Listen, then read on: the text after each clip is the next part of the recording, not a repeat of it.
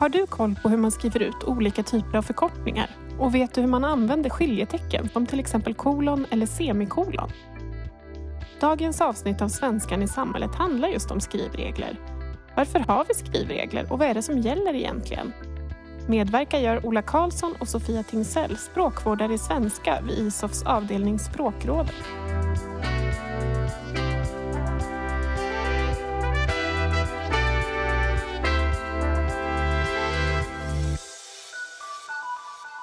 Hej Ola! Hej Sofia! Vi ska göra en podd om skrivregler. Vad är skrivregler? Ja du, det är inte helt entydigt definierat vad det är. Det är väl ett problem i sig. Men det klassiska är ju skiljetecken och skrivtecken och sånt. Alltså punkt och kolon, frågetecken, citattecken och sånt. Och hur man hanterar dem. Alltså sånt här som citathantering, hur man använder siffror, mm. styckesindelning, andra mer grafiska frågor. Alltså det kan vara nästan allt som inte är stavning, böjning eller grammatik. Och ibland är det faktiskt stavning och böjning också. Man brukar ju säga att det finns tre viktiga normkällor för svenskan. SAOL, Svenska Akademins ordlista, alltså som reglerar böjning och stavning. Svenska Akademins grammatik som tar hand om grammatiken och så svenska skrivregler som Språkrådet ger ut som reglerar allt det andra kan man säga. Så det, det, är väldigt brett, men det klassiska är ju sånt där som skiljetecken. Då. På Språkrådet så jobbar vi med, med språkriktighetsfrågor och då ingår ju skrivregler i det. Och till vår frågejour som vi har eh, några gånger i veckan så får vi massor av frågor som rör just skrivregler och kanske framförallt eh, förkortningar och stor och liten bokstav. Och så fort vi får sådana frågor brukar vi ju gå in till dig och fråga eftersom du är vår mister skrivregler. Ehm, du föreslog att vi kanske skulle prata framför allt om förkortningar idag. Vad är, vad är grejen med just förkortningar? Ja, det här med skrivregler är ju ofta tekniskt och lite svårt. Och det speciella med förkortningar tycker jag det är att när jag, när jag har undersökt om, om folk behärskar det här så visar det sig att ingen kan förkortningsreglerna. Det är väl till och med så att jag själv kan tveka ibland. Så det, det, är väl kanske det bästa exemplet på att det här med skrivregler är svårt och det är ovanligt rörigt. Mm sådär. Samtidigt så använder ju alla människor väldigt mycket förkortningar och kanske mer än någonsin idag, inte minst i sms och andra sådana här talspråksnära medier och genrer där vi behöver förkortningar för att det ska gå snabbt att skriva. Ja, det gör man ju. Eller man ser också att kids skriver förkortningar som man själv inte förstår. Och då tänker man så här, kan de inte bara mm. skriva ut så man förstår vad de menar? Men det gäller kanske vanliga förkortningar också. Kan man inte bara skriva ut alltihopa? Jo, det är ju eh, en grundambition egentligen. Och förkortningar är ju så mer praktiska för skribenten egentligen. Och ofta, eller oftare än man tror, eh, mer svårtolkade för läsaren. Sen beror det på sammanhanget. Så I sms så blir det väl olidligt att, att skriva utan att använda förkortningar. Det, det, blir väldigt långt så. Och sen så gäller ju det framförallt vissa typer av förkortningar men initialförkortningar är ju sådana som vi ofta använder just som, som eh, i sin förkortningsform. Alltså vi skriver ju DNA och in, inte deoxyribonuklinsyra. och där är man kanske närmast tacksam för att, att skribenten använder en förkortning. Uh, men absolut, om man talar om uh, allmänspråket och läsbarhet för breda grupper så att säga, då, då är det ju bra att undvika eller i alla fall vara väldigt sparsam med förkortningar. Och man har gjort eh, tester då, det visat sig att förkortningar stör läsningen för många. Eh, I synnerhet då, de som är kanske är lite mindre läsvana och det är en, en mycket större grupp än man tror. Och det finns också allt fler idag som vill ha texter upplästa av sin dator eller sin mobil.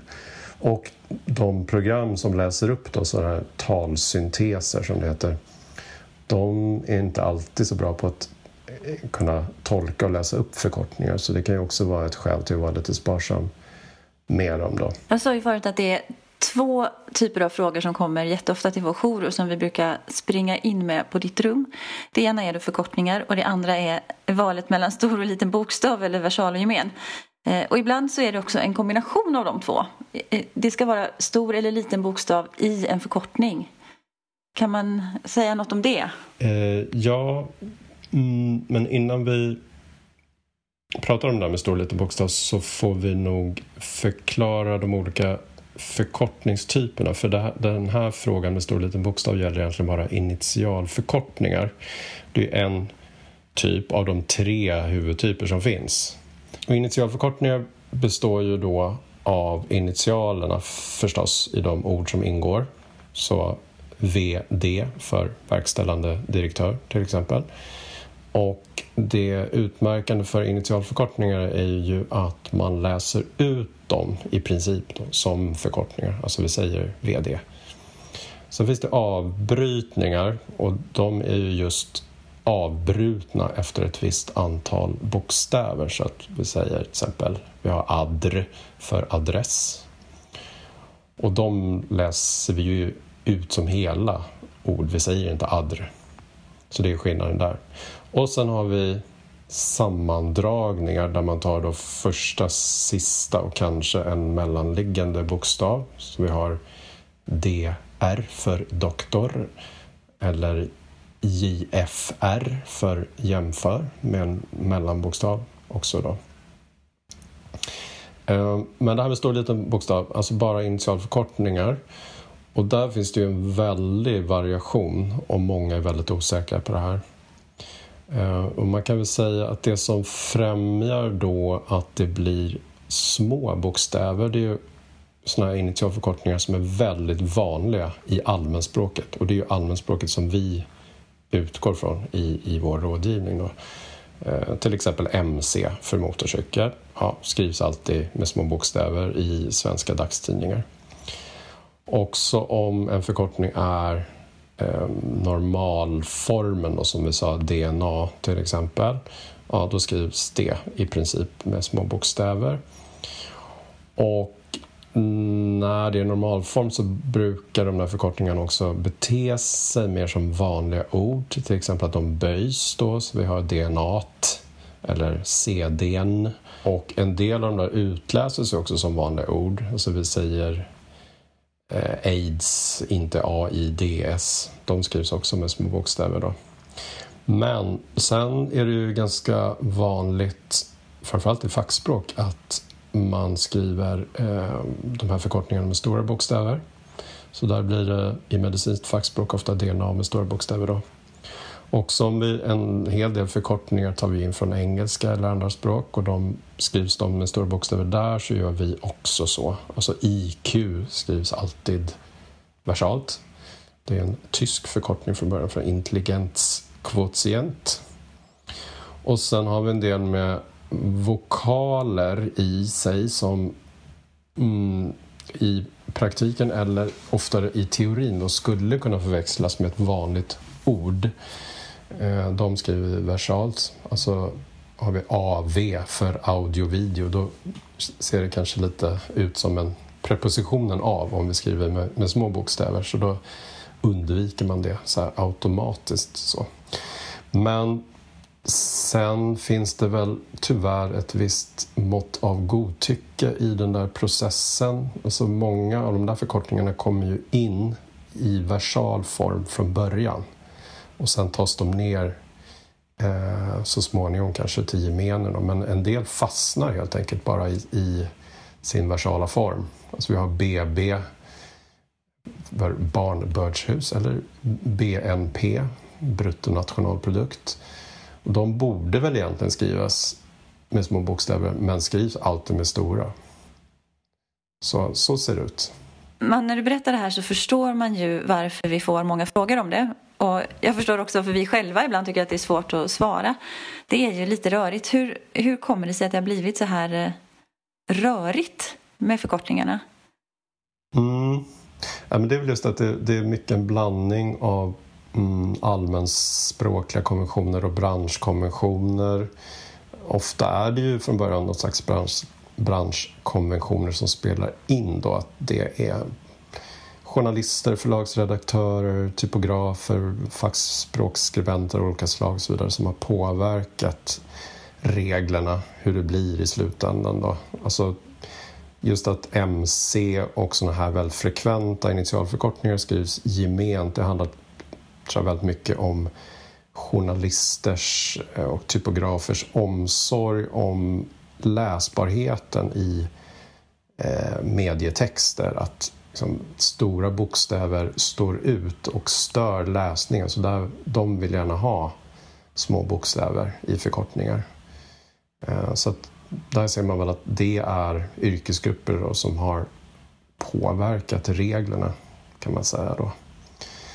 Eh, men samtidigt finns det andra grupper som gör det på olika sätt så det, det, finns kanske ovanligt mycket variation just för förkortningar vilket gör det lite extra svårt. I språkriktighetssammanhang är ju variation ofta svårt att hantera. Det är då man blir osäker på vilken form som, som är rätt eller som man tycker ska passa bäst. Men nu är det ju just vårt jobb som språkvårdare att försöka ändå bringa lite reda i den här variationen.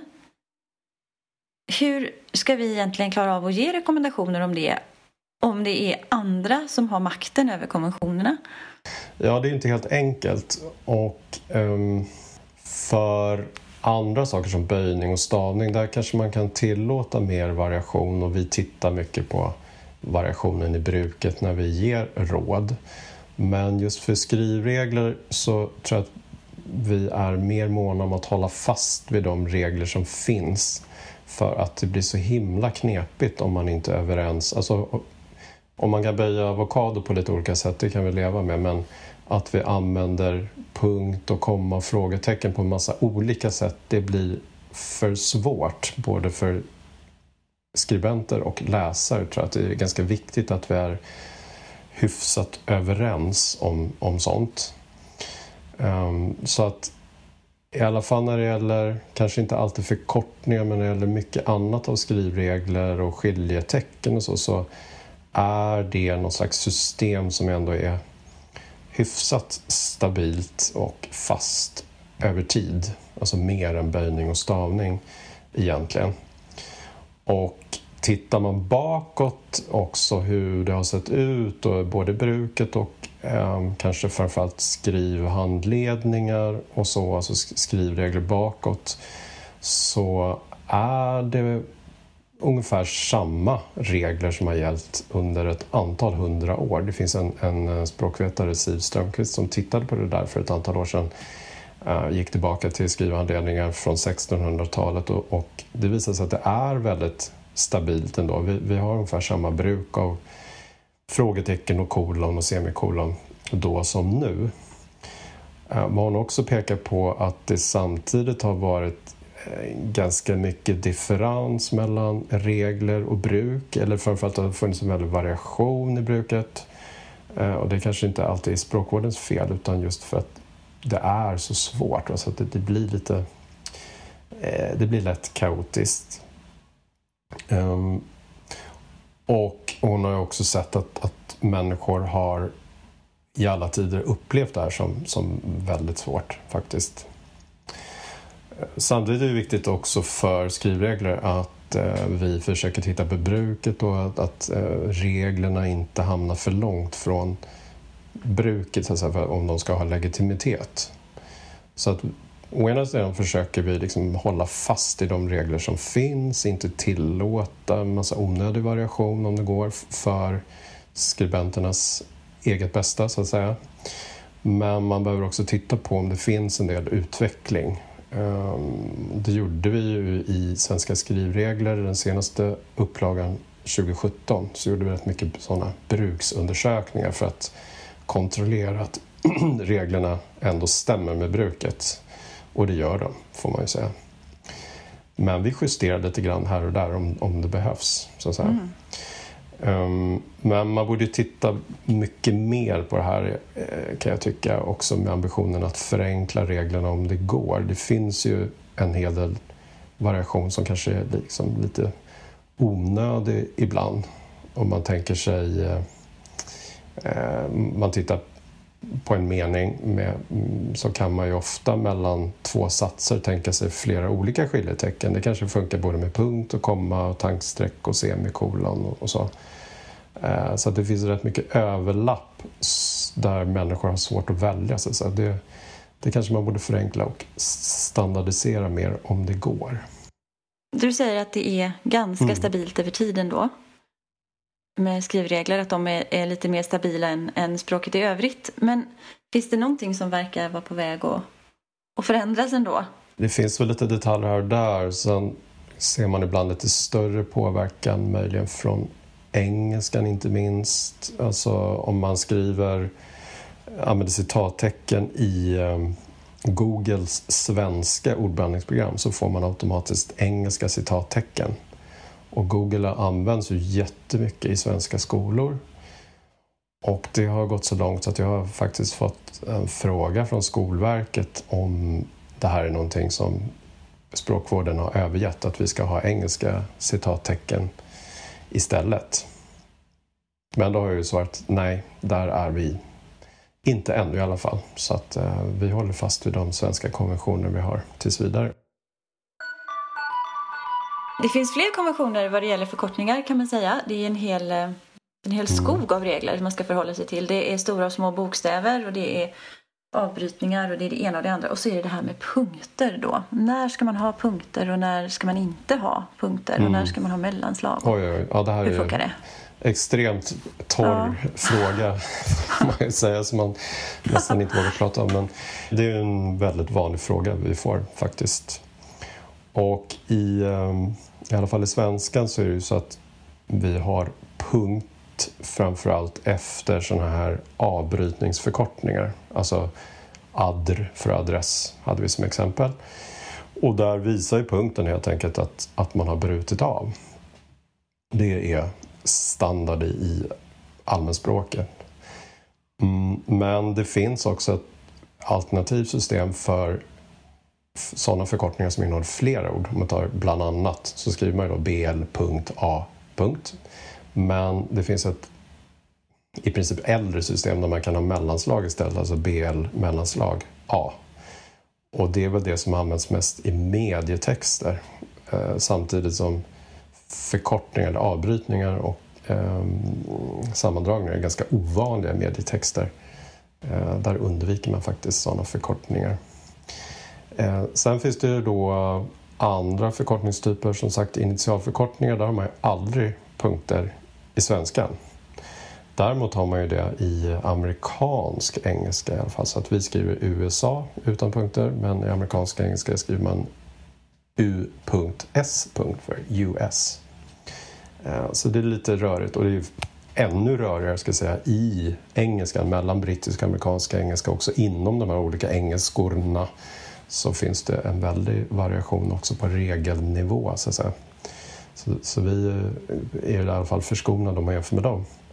Och sen har vi också de här sammandragningarna som vi pratade om, DR för doktor. Där har ju inte vi heller punkt. Vi tycker att det är ologiskt, så att vi, för det är inget som är avbrutet, så man har ju med den sista bokstaven där. Däremot i, i engelskan så tycker man att det ska vara en punkt, så där har man DR punkt vid doktor. Och det, det, påverkar ju i svenskan också. Det är jättemånga som skriver dr. Så att, ja, det är svårhanterligt och mycket onödig variation. Så att det vore nog bra om man gick ifrån det här bruket med punkter på sätt och vis allmänt. För att det är så svårhanterligt helt enkelt.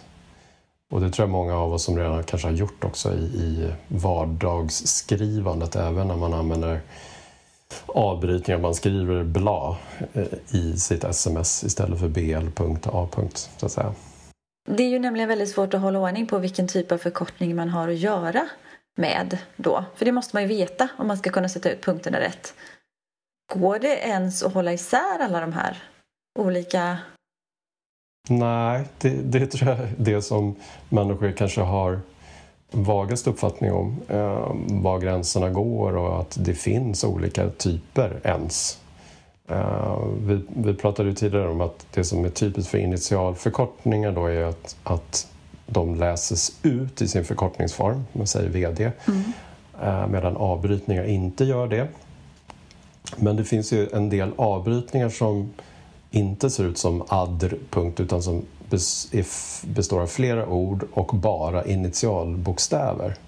Och då ser de ju direkt ganska mycket ut som initialförkortningar. O.D. För och dylikt. Men vi säger ju inte OD. Och därför är det då en avbrytning. avbrytning.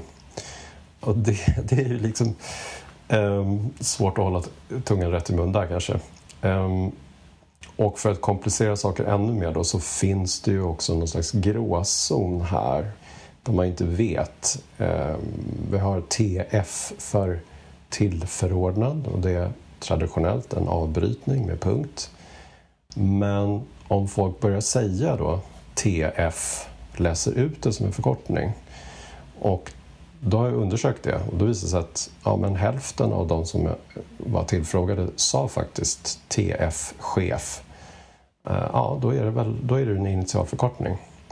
Och eftersom vi vill komma bort från punkten här också så tycker jag att man, man kan behandla det eh, när man tvekar då, eh, som en initialförkortning och det gäller också sånt där som VT för vårtermin och BG för bankgiro och de tror jag väldigt många skriver utan punkter, alltså behandlar som initialförkortningar.